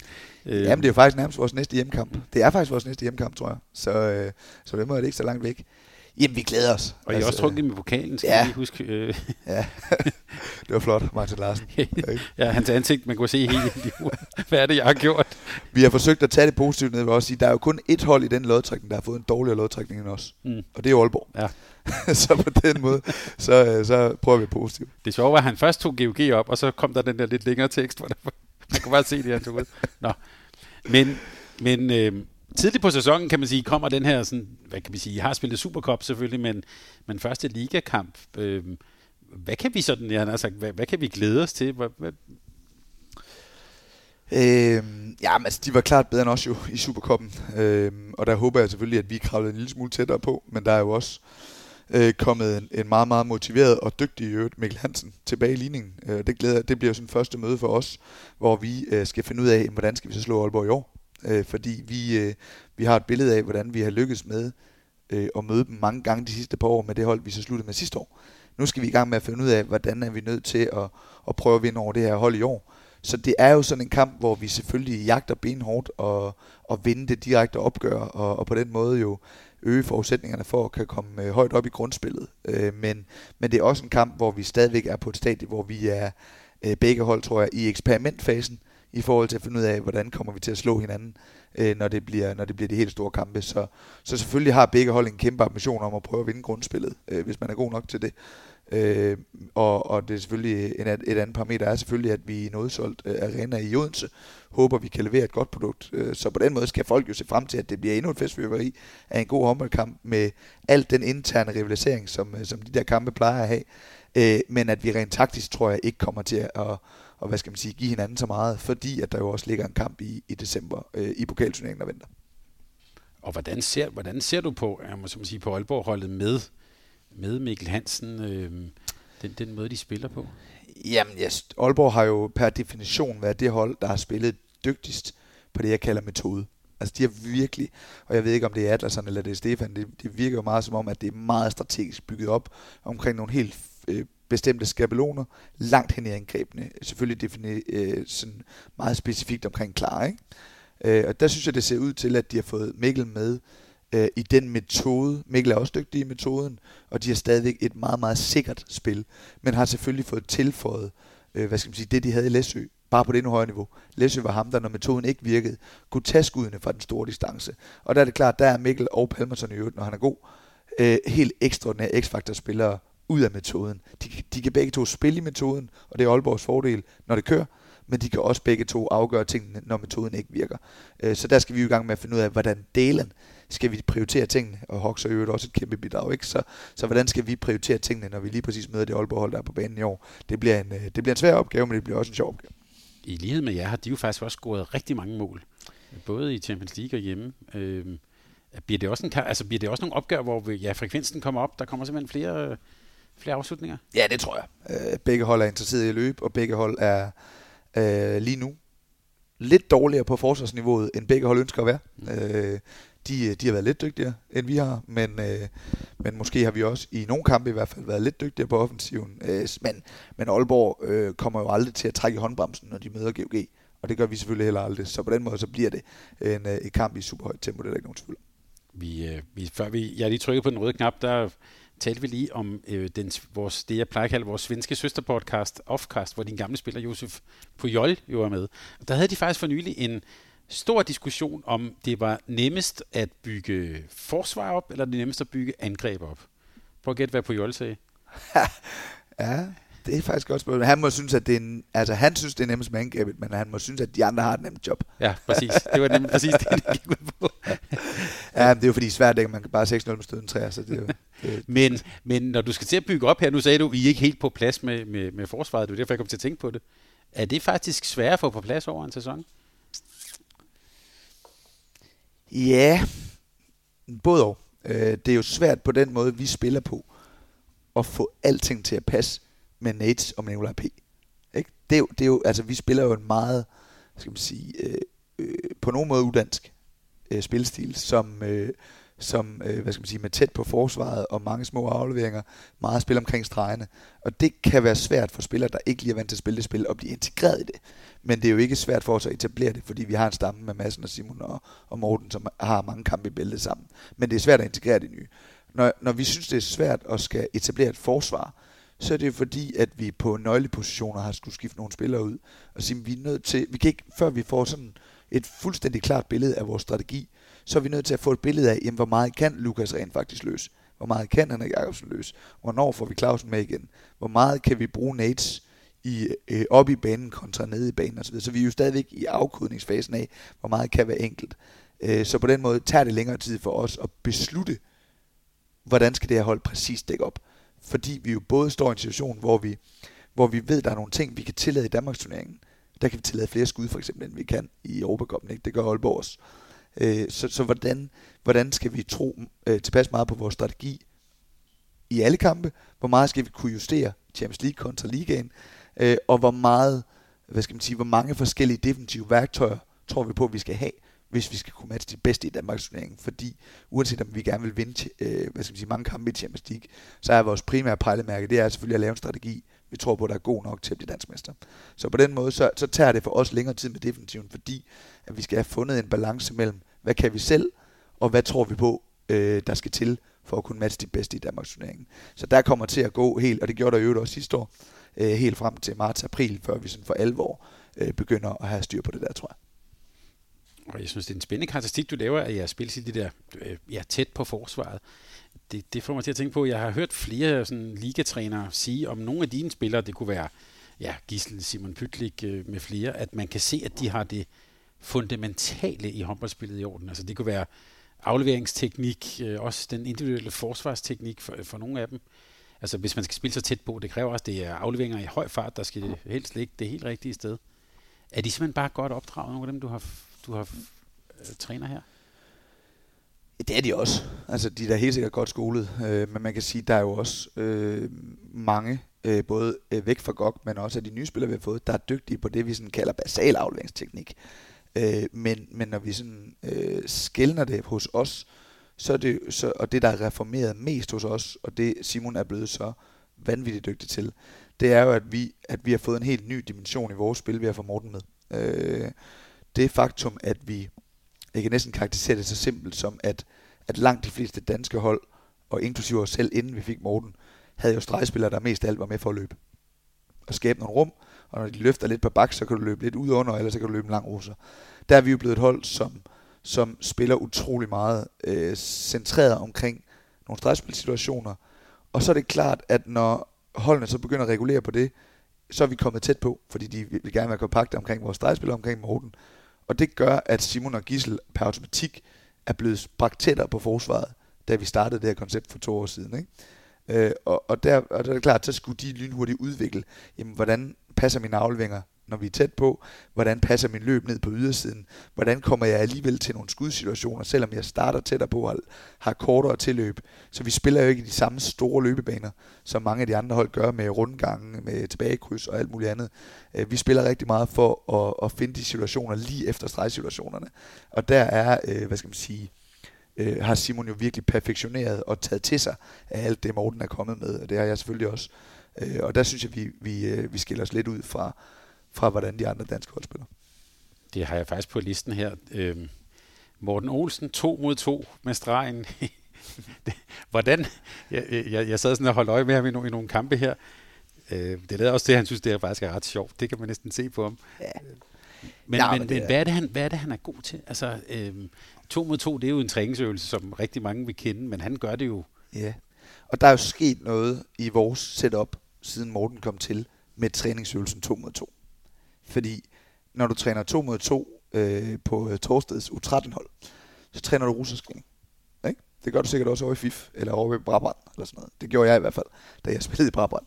Øh, men der har vi jo fået et langt, langt større øh, beredskab af muligheder ind med Morten, som han jo selvfølgelig primært har erhvervet sig gennem nogle rigtig fede år for Morten, sammen med Ortega, øh, og, og omkring den spanske måde at tænke det på, omkring stregspillerne. Øh, Øh, og jeg ved jo også, det er noget af det, Nikolaj virkelig har pladeret for, at vi har manglet på det danske landshold. Nogle af de der stregspillere, som sådan for alvor har kunne vinde med en mand i ryggen, og, og evnen til at spille ned på dem, når der er lidt pres på osv., ikke? og lige trække en udvisning. Øh, men der har vi Øh, jo selvfølgelig meget med Oscar sidste år, men Lukas er også virkelig ved at udvikle sig fint på det nu. Zachariasen kan det også. Øh, jamen der har vi fået, fået fundet øh, nogle, nogle veje til at spille to mod to, som har, synes vi, det er jo vores egen subjektive oplevelse af det, men, men vi synes, vi har fået skabt noget, hvor vi bringer utrolig mange dilemmaer ind hos vores modstandere. Altså går du bag om en stregspiller hos os, så, så taber du en mod en. Går du rundt om en stregspiller, jamen så accepterer du også lige pludselig, at der er plads på nogle ydersider til Gissel og Simon og nu også Massen. Øh, og på den måde, jamen, står du nede på krydset, øh, når Morten står to med to i midten, øh, Øh, og skal prioritere indspillet, jamen så åbner du også for større plads at løbe i på krydsene, for eksempel til, til Simon og Gissel, hvor jeg ved, at vores dobbeltkryds jo også har gjort ondt på mange, øh, og mange hold jo for, virkelig forberedt sig godt på nu, ikke? Øh, så på den måde har hele det der spil omkring Morten og stregspillet åbnet op for en kavalakade af muligheder på alle mulige andre ting, som jeg ikke i min, øh, i min øh, hvad skal man sige, rekruttering af Morten havde forestillet mig, at jeg fik så meget af. Øh, fordi jeg rekrutterede ham for en situation i Hannover, hvor han jo spillede med skytter, altså med nogle kedelige skytter i øvrigt. Og der spillede de jo enormt meget med fløjeovergangen, altså meget spansk metodisk. Men det, det, hvad skal man sige, han bragte i samarbejde med Gisle og Simon, øh, og nu også med massen og, med, og over tid også med de andre, det har givet os nogle helt andre dimensioner, end dem vi havde øh, troet, vi fik. Øh, ja, og hvis man, så hvis man stiller sig bag ved stregspilleren, siger du bare, ja, så taber man. det synes vi i hvert fald, man gør oftest heldigvis med vores, øh, og det er jo der, det er jo det, det, det mange danske stregspillere mangler. Altså evnen til at bare stå foran en bak, øh, og bare kan få den en mod en. Jamen det er, en, øh, det, det er jo en internationalitet kæmpe rolle for stregspillerne. Men i Danmark, øh, og i øvrigt også i Norge, øh, med Bjarte især, ikke, øh, har det jo været meget øh, løbestærke stregspillere. Savstrup øh, og Zachariasen er jo to af dem, som over tid har udviklet sådan en hybrid-evne. Ikke? Altså Fabregas også øh, nogle af dem, som både er løbestærke mellem buerne, men også kan både kantskridning til ryg, øh, men også at stå på toppen, øh, eller foran, øh, foran forspillerne. Der har vi fundet nogle af de der stregspillere, øh, både i Savstrup og Zachariasen, men også i Fabregas og så videre, som, som kan begge dele. Og jeg tror helt sikkert nu, hvor, hvor spillet er blevet endnu hurtigere en gang til, jamen så er det de der hybrid-stregspillere, som kan lidt af det hele, som bliver enormt attraktive. Øh, dem, som kun er store, og kan stå på toppen, de får det selvfølgelig svært i løbekampene nu, ikke? Jeg kan godt tænke mig, at du lige satte et, et, et, et par ord på en, måske for nogen, lidt ny spiller, øh, nemlig Oscar Vind, som, øh, som jeg ved, der er rigtig mange, der har øh, mange forhåbninger til. Hvad, hvad er han for en øh, ung mand, og hvad, ja, hvad skal vi lægge mærke til ved ham? Jamen, det er jo en ung mand, som kommer ind. Øh, det, er jo, det er jo virkelig den første spiller, vi laver aftale med øh, til det kul her. Øh, den, den, hvad skal man sige, da vi solgte Frederik Bo til Hamburg, øh, jamen der åbnede der sig en mulighed for ret tidligt at lukke aftalen omkring Oscar til, til den her sæson. Øh, og det er ikke nogen hemmelighed, at vi havde også øh, dialog med Oscar inden da, øh, for at prøve at lande ham. Vi synes, vi synes, han har mange af de ting, som passer godt ind i den måde og den strategi, vi har. Øh, han, øh, han er et sted i hans karriere, hvor han var rigtig dygtig, men også et sted i hans karriere, hvor det, der mangler for at blive landsholdsspiller, det er at prøve sig selv af på højere niveau, på dygtigere målmænd hver eneste dag, på dygtigere medspillere hver eneste dag. Øh, så hvis vi sådan isolerer ham til fløjspiller fra hjørnet, og en dygtig forsvarsspiller i øvrigt øh, i fløjen, jamen så, så er det primært for os, det er jo bare at give ham erfaring på højere niveau. Der hvor vi synes, at vi har en forpligtelse over for Oscars karriere, det er jo også at investere nogle minutter i ham som bak i forsvaret. Øh, det fik han, synes jeg var super ærgerligt. Øh, det fik han ikke lov til i Ringsted, øh, andet end et par træninger. Der har vi brugt rigtig meget tid i opstarten på at prøve at lære Oscar at dække lidt bak, øh, og, og kommer også til at gøre det mere og mere i løbet af sæsonen, forventer jeg. Øh, fordi det er selvfølgelig der, han har muligheden for at skille sig ud fra hans konkurrenter, hvis vi kigger, hvis vi ophøjer ham til det over tid, så skal han jo konkurrere med Johan og med øh, uh, Vismark og hvad det ellers hedder. Uh, og der er det klart, kunne han blive øh, Magnus Landin i den anden side, så vil det løse mange opgaver for det danske landshold. Og jeg synes, han har potentialet til øh, og, og over tid at komme ind på det landshold. Øh, og vi kigger jo ind i, at han blev rekrutteret til, til et markedskab med Kasper Kildlund, som jo virkelig sidste år øh, hvis vi kigger tilbage på sæsonen, spillede enormt stabilt. Han, øh, han øh, blev der mange gange, kunne, han kunne også godt høre i timeouts, at de andre gerne ville åbne til Kasper Kildelund. Men når vi kigger over øh, Kasper, der var holdbar i 70 kampe, øh, og på den måde jo bare over sæsonen leveret enormt stabilt, så, øh, så har vi fået en spiller ind her, som både har det stabile, men også har et potentielt vanvittigt højt topniveau. Og der håber vi rigtig meget, at vi kan ramme balancen mellem at bruge Kaspers erfaring, og virkelig prøve at forløse øh, i ro med øh, Oscars toppotentiale. Det tror vi på, at, at GOG er det rigtige sted til. Det der med at åbne til nogen, altså man sidder og hører det, hvad, hvad er det for noget? Altså vi, vi har også talt om det her, at man åbner jo ikke, altså, Nej, det er altså jo, hver det er jo kan jo score, hvis vinklen bliver stor nok. Ja, og det er jo her håndbold i dag, ikke? Altså når jeg, når jeg ser, og det er jo ikke, jeg synes jo faktisk, dame dameligaen er et godt produkt nu, ikke? Øh, men, men jeg kan jo også godt høre, når jeg ser de afgørende kampe, altså finaler og semifinaler i damerækken, altså Esbjerg, det var jo fuldstændig vanvittige vinkler, at Odense kunne tilbyde til Esbjergs fløje for eksempel, ikke? i finalerne sidste år. Det kan du ikke på her siden. Øh, og det er jo ikke for at forklare en damespiller, det er bare for at sige, at det kan ikke lade sig gøre på her siden. Så når, øh, når nogen snakker om at åbne til en fløj i herrehåndbold, så er vi jo tilbage til prioriteringen, jeg snakkede om før. Hvis vi skal prioritere noget, så er det at prøve at give en mindre chance væk derude. Der er ikke nogen af os, der, der bare kan åbne til fløjene. Det giver sig selv. Men det, det du tilbyder Oscar Vind, nu, det, vi holder sådan et evalueringsmøde af ham, det er jo, øh, altså, og han får lov at dække bak, og sådan, det er jo faktisk også, at du tilbyder ham den udvikling, der kan gøre, at han senere hen ja, kan blive en, en Magnus Landin. Det var sådan set også derfor, øh, det er der jo nok mange, der tænker om Oscar Vind, at det er i hvert fald et potentiale, han har.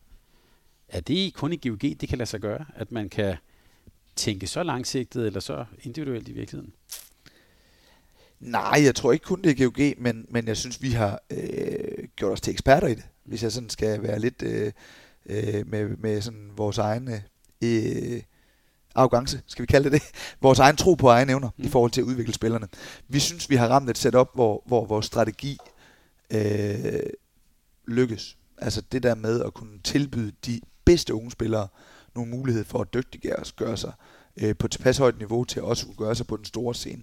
Men det kommer aldrig til at lykkes, hvis ikke øh, at Oscar var så god, at han også kunne tilbyde Gok at være konkurrencedygtig i forhold til at vinde guldmedaljer. Og jeg har jo, øh, og det, det har jeg faktisk fået rigtig meget erfaring ud af, jeg har jo også været i Skanderborg, hvor vi var et sekund fra at rykke ned nærmest, ikke? Øh, og hver eneste uge stod med kniven for struben, i forhold til at bare komme på town, det har vi snakket om før også, ikke? Øh, og, og der var det sværere at integrere de unge. De er, lidt, de er et lidt bedre sted nu i forhold til at kunne integrere nogle af de unge. Men det der med at være på et tophold, det gør altså, at der er nogle lommer til at lave mange små indhop til nogle meget unge spillere, tidligt. Det vil sige, allerede i år, der har jeg da en forventning om, at nogle af de der U-landsholdsspillere, øh, U17-landsholdsspillere, altså Lasse Wilhelmsen, Emil Tonnesen, jamen dem har jeg da en forhåbning om, at vi ser på banen i år, fuldstændig uden pres. Fordi så om tre år, når vi skal bruge dem, så tror de stadigvæk rigtig meget på deres egne evner. Men vi skal, vi skal være stedet, hvor vi kan tilbyde balancen mellem at udvikle spillerne til at blive dygtige nok til Kiel og Flensborg. Vi skal ikke, altså, nu ved jeg, det har der snakket rigtig meget om, vi skal jo ikke sende Oscar Bergendal til Stuttgart. Det er ikke vores ambition, vel? Øh, men vi skal udvikle spillere til Kiel øh, og til Barcelona. Og der vil vi rigtig gerne være stedet, hvor at, at vi er det perfekte springbræt til det. Fordi er vi det, jamen så er det klart, så skal det også gerne være konkurrencedygtigt nok til at skal konkurrere med medaljer herhjemme. Hvor meget er du med på, nu nævner du nogle, nogle unge navne, som nogle af lytterne siger, vil kende. Hvor meget er du med på ja, U17, U19? Ser du dem træne, spille? Øh, øh, strategisk er jeg meget med, øh, og jeg har da fuldstændig styr på, hvilke spillere, der går rundt i vores system. Øh, med to kampe om ugen, mange rejser, der er det blevet sværere for mig, og det er jo ærgerligt, men det er blevet sværere for mig at deltage aktivt på deres træninger. Det kan jeg ikke, øh, fordi jeg også har en, øh, en familie, jeg holder meget af, og prøver at give alt det, jeg overhovedet kan, selvom det ikke er nok. Øh, Øh, men, men strategisk er jeg med i alle beslutninger i forhold til, hvordan vi doserer spillerne. Vi er jo allerede nu ind i, gang, i gang med at virkelig at prøve at, at få styr på, hvem er det, vi skal satse på på den lange bane. Hvordan holder vi vores trækbred. Som et samarbejde med vores talentchef Mikkel Fugt øh, er, er, synes jeg, enormt godt. Øh, og jeg har da helt klart fingeren på pulsen i forhold til, hvordan vi får, får nok spillere op, op i systemet, som kan tilpasse mange forskellige ting, til at vi altid har nogen til det behov, vi, øh, vi lige har på, på ligaholdet. Så strategisk er jeg er 100% med i det, øh, i, øh, hvad skal man sige, hands-on dagligdags træninger. Der vil jeg gerne være meget mere med. Men det, jeg har erfaret, i hvert fald hos os, det er, at jeg lærer også meget mere om de der spillere ved, at de træner med mig. Mm. Og det vil sige, at jeg er fuldstændig ligeglad med, om de er 15, eller de er 17, eller de er 22. For der kan du også stadigvæk nå at blive god. Øh, men jeg vil have dem til mine træninger. Øh, fordi jeg ser langt mere, øh, hvad skal man sige, mental robusthed. Jeg kan jo sagtens se, hvad Emil Tonnesen kan til en U18-slutrunde. Og han er sindssygt dygtig.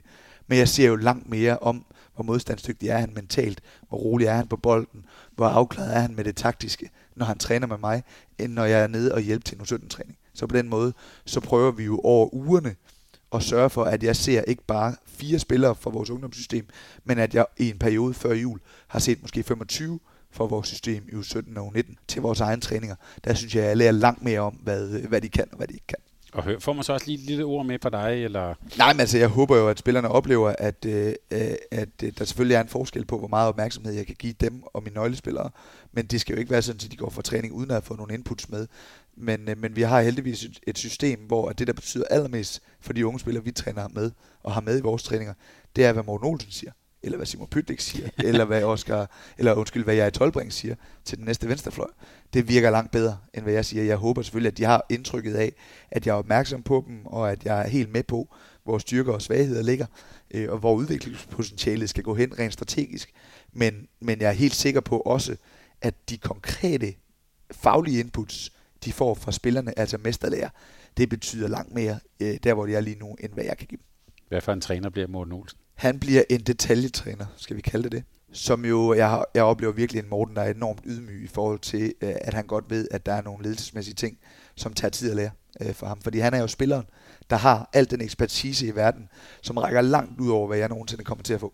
Øh, men men øh, er meget ydmyg omkring, at der også er nogle andre ting, der skal være på plads, hvis man skal, skal have, øh, hvad skal man sige, være heldig og dygtig nok til at blive træner på absolut top, øh, topniveau. Men hans faglige værktøjskasse på detaljeniveauet, der kommer Ringsted-spillerne til at få rigtig travlt med at nå at forstå alt, hvad der bliver sagt fra Morten Olsen. og hvor stregspilleren skal stå. Det bliver spændende at se. Det bliver spændende. Her til sidst, øh, Nikolaj, så nu nævnte du faktisk lidt det her øh, børne, og jeg startede også med at tale om Torsted. Så vil jeg faktisk lige give et, et, et, et citat fra din øh, gode ven, Stefan Madsen. Han er også børnetræner. Og han sagde, at det nogle gange synes han, det faktisk var sværere at have de der, de der børn, de der drenge, end det var at træne et, et ligahold. Hvad, hvad er din oplevelse med at, ja, at, være, at være børnetræner? Ja, det er, altså det er fuldstændig fantastisk, og jeg er fuldstændig enig med Stefan. Det er jo helt umuligt for mig at, være, altså at gøre det godt på det der. Altså, vi, jeg har jo nu øh, min egen knægt, der, han er jo hvad, han er overgang 13 og egentlig uni, 9, man spiller jo med u 11'erne, så jeg har jo 11-gruppen, en kæmpe stor gruppe på 45 spillere eller noget i den dur øh, på en masse forskellige hold, hvor vi jo indtil nu bare har blandet holdene hvert uge og sørge for at stimulere dem på forskellige niveauer og teste unierne op mod øh, årgang øh, to år ældre og så videre, og i andre sammenhæng give dem nogle gode oplevelser med også at kunne vinde nogle kampe. Øh, men overordnet set vil jeg sige, at, at det jeg oplever, det er, jeg kan ikke finde ud af at vinde kampene. Jeg vinder simpelthen ingen 11 kampe. det er klart bedre at sende min far og Jane øh, ud til kampene, fordi de øh, er langt øh, mere tunet ind på, og også lige prøve at vinde kampen. Øh, der er jeg jo langt mere, øh, heldigvis er jeg kommet dertil, hvor jeg er langt mere fokuseret på at sørge for at stimulere drengene på nogle forskellige måder hver eneste uge. Øh, så, men, men, men jeg vil bare sige, at min oplevelse med at være træner lige præcis i U11 er, at kortbanen, jamen, den gør noget fuldstændig fantastisk. Øh, det må jeg sige, øh, de finder på mange tossede ting inde i forbundet, må jeg også sige en gang imellem. Men det der, det er fuldstændig fremragende. Øh, det er en, øh, ja, vi spillede Tivoli Cup i weekenden ikke? med U11 der, og spiller jo 20-20 mod Herning øh, på 2 gange 15 Altså, det var fuldstændig fremragende, og det var ikke, fordi der ikke var mange gode forsvarsaktioner også. Der var bare så enormt mange aktioner øh, til hver enkelt spiller, at, øh, at øh, er jo øvrigt også, fordi det jo stadigvæk er 5 mod 5 i marken. Øh, så, så man kan sige, oplevelsen er, at vi virkelig er et godt sted i forhold til muligheden for at putte noget godt ind i børnehåndboldens kampe ja, også helt sikkert min oplevelse, at, at børnespillerne har for få kampe. Det er klart min oplevelse. At vi skal ikke kun med Torsteds øh, 5-6 hold spille seks turneringskampe før jul. Det, det er for lidt. Alt for lidt. Så ved jeg godt, så kan vi tage til stævner. Øh, og, det, og det gør vi jo selvfølgelig også, fordi det er også en del af, af det, vi alle sammen elsker. Jeg elskede at være tilbage til at skulle se drengene pakke luftmadrasser ud til Tivoli Cup, ikke? Men, men, øh, men jeg synes, vi spiller alt for få turneringskampe. Det må jeg sige. Øh, så er jeg ligeglad med, at, øh, at vi en gang imellem lige må flytte os lidt. Så må vi spille to kampe, øh, hvis vi skal køre en time for at komme til kamp. Jeg synes, vi spiller for få kampe, og jeg kan også sagtens komme i tanker om andre ting, man sagtens kunne forbedre i produktet. Men overordnet set vil jeg sige, jeg synes, vi er et fantastisk sted i forhold til at have fået kortbanen med, øh, og, og jeg oplever egentlig, at, at der også foregår mange gode ting, i hvert fald i de klubber, vi møder her omkring. Øh, men jeg oplever selvfølgelig også stadigvæk, når jeg så ser U67-kampe, trille trolletræninger, der oplever jeg stadigvæk alt for mange, som, som har for travlt med, at tingene skal passe, og det skal være struktureret, og det skal være tre skridt, og det skal være... Ej, der synes jeg, at vi alle sammen lige må tage et fælles ansvar for, at det bare kommer til at være lidt mere tubang øh, og lidt mere gang i den. Om så det er 8-9 skridt, og det er, øh, og det er fejl på fejl på fejl, så skal vi have noget fart over feltet, fordi at jeg synes, at vi i hvert fald i vores sammenhæng i Torsted har fået bekræftet, at det er det, der holder mange børn til ilden. Og vores opgave lige nu i, i Danmark, det er selvfølgelig at sørge for, at der er så mange børn som muligt, der starter, men også bliver i vores sport. Øh, så altså, vi skal alle sammen knokle for, at, øh, at intensiteten og sveden på panden og knap så meget struktur, det bliver en del af virkeligheden ude i, uh, ude i klubberne. Så er jeg sikker på, at, at vi over tid kan holde endnu flere børnespillere til. Så beder det lige om at tage seniorkasketten på. 2020, var det 2 gange 15? Ja. Altså, det minder jo faktisk om en Champions League-kamp mellem GOG og din, øh, ja. Dynamo Bukarest. Altså, vi har også cirka samme spilstil, jeg sige. Vi, vi løber på det hele. Men er det, øh, altså det der kortbane, er det også noget, hvis du tænker som senior, det der med, der er mange aktioner, mange skud og sådan noget, er det, er det også øh, ja, udviklingsmæssigt det rigtige, man har fat i der? Ja, det tror jeg helt bestemt, det er. Og det er klart, det er svært at lave en direkte øh, øh, øh, strømlignede vej fra, øh, fra U11 til, til Liga, men fordi der jo også ligger nogle faser, hvor jeg synes, det bliver, hvad skal man sige, øh, også at systemet omkring U17 og U19-kampene ikke fungerer helt, men, men kortbanen isoleret set er et fantastisk godt bidrag i udviklingen af den enkelte, fordi der ganske enkelt bare er flere aktioner til hver enkelt, også til de, øh, du ved, vi, vi har alle sammen været en del af, af børnekampe, hvor at enkelte spillere har 25 skud, og så havde højrefløjen ikke lige nogen. Men i børnekampene her, der prøver vi selvfølgelig at være, være, være forgangsmænd for, at alle spillere når at ramme forskellige positioner. Og det er klart, at med jeg ved ikke, 40-45 boldbesiddelser på 2 gange 15 eller jeg tror det er endnu mere, jeg tror nærmest det var 50 boldbesiddelser på 2 gange 15 jamen så er det klart, så er der også flere muligheder for hver enkelt til at få lige få prøvet den rullefinte, man trænede om tirsdagen, eller lige få prøvet det underhåndsskud, fordi at når der er så mange øh, boldbesiddelser, så er der også plads til at lave flere fejl, øh, og alligevel, øh, ja, spille en sjov kamp, ikke? Så, så jeg oplever klart, at for udvikling med udviklingsbriller af den enkelte, der er det et fuldstændig fremragende øh, tiltag, øh, som, øh, som forbundet har fundet her. Og nu nævnte du 17 u 19, du bliver næsten nødt til lige at sætte et på, på. Hvad, hvad kunne du godt tænke dig der? Nej, der, der, synes jeg, vi, øh, der synes jeg lige nu, at vi er alt for langt væk fra seniorhåndbold, faktisk. Jeg synes, vi... Øh, og, og nu jeg skal passe på med at sådan gøre mig til overdommer, ikke? Øh, fordi der er jo ikke nogen facitliste.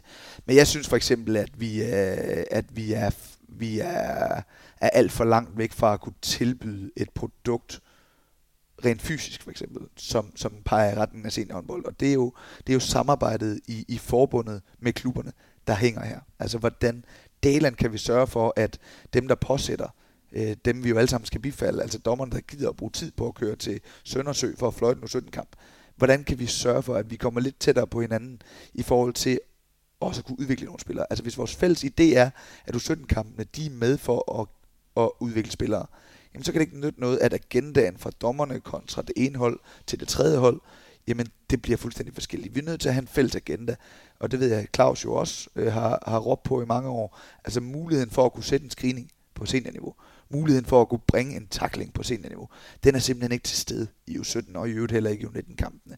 Så der har vi et, et, et kæmpe øh, hvad skal man sige, strukturelt problem, at vi ikke er i bedre, oplever jeg udefra set i hvert fald, fælles dialog omkring, jamen, hvordan skal, hvordan skal dømmes de er U17 og U19 kampe. Så er der nogle ting i forhold til reglerne, hvor man siger, hvorfor fanden øh, skal, øh, skal U19 ikke have lov at skifte forsvar angreb? Altså, øh, taber vi nogen der? Taber vi ham, der bare virkelig kunne blive en virkelig god forsvarsspiller? Det er, det er sådan, i hvert fald indtil i år, delvist uenig i. Jeg kan godt se, at vi, øh, at vi, øh, at vi øh, skal udvikle tovejsspillere. Men jeg kan også godt se, at vi skal huske at lave den næste Mølgaard. Mm. Jeg ved godt, at han også er tovejsspiller, men, men i hvert fald den næste forsvarsspecialist skal der også være plads til. Men omvendt så kan jeg jo godt se, at når nu spillet ændrer sig igen, så er det spørgsmål, om det ikke bliver godt igen at, lave tovejsspiller. Ikke? Øh, mands, mandsopdækningen øh, op i U19, jamen genindfører den, fordi så kan det være, at det giver mulighed for, hvis der en sjældent gang imellem er en mandsopdækning, at en træner bliver dygtigere, fordi dem udvikler vi heller ikke ret meget, synes jeg, nede i de der U17 og U19 kampe. Øh, men der er også mulighed for, at de spillere, der ikke bliver mandsopdækket, får nogle flere aktioner osv. Så, ikke? så, så det, jeg siger ikke, at man skal mandsopdække i U15 eller U13 eller U11, men, men i U19, hvor vi, vi har lagt et ekstra år på, vi skal huske, at Mikkel var, hvad var Mikkel første eller anden års U18, da han spillede øh, finaler for GOG.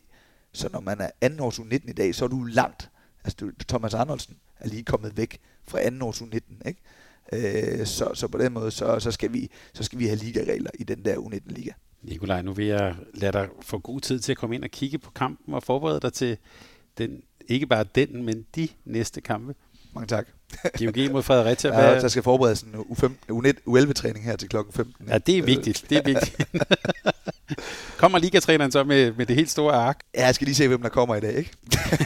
nej, nej, det bør jeg selvfølgelig ikke. Jeg har heldigvis rigtig mange gode folk omkring mig. Men, øh, men nej, jeg skal selvfølgelig i gang med at finde ud af, hvordan, hvordan, øh, hvordan slår Fredericia. Øh, det står det meste af dagen i dag på. Og når jeg så har fået styr på det, så skal jeg tilbage og kigge på Bukarest og sige, hvad er det for to-tre budskaber, jeg er nødt til at bringe, som er afgørende. Ikke bare inden næste Champions League-kamp, men hvad er det også, vi er nødt til at fikse fra i går til på søndag. Øh, Så jeg skal ramme balancen der, så jeg får da nok at se til, ikke bare i eftermiddag og i aften, men også øh, sikkert i nat. Og senere hen kan vi så bare sige Aalborg, Plok, Vestpræm, Magdeburg og så videre. Ja, det er fantastisk. Det er, bliver et dejligt efterår. Tak fordi vi må komme og besøge dig. Det var hyggeligt. Tak fordi du lyttede til en podcast fra Mediano Håndbold. Hvis du kunne lide udsendelsen, så husk at abonnere på Mediano Håndbold, der hvor du hører din podcast. Så får du den seneste udsendelse serveret direkte til dig. Du må gerne fortælle dine venner om os, og husk at følge os på Facebook, Twitter og Instagram. Mediano Håndbold kan lade sig gøre på grund af Sparkassen Kronjylland. De er med Mediano Håndbold og det kvindelige danske landshold. Tak fordi du lyttede med.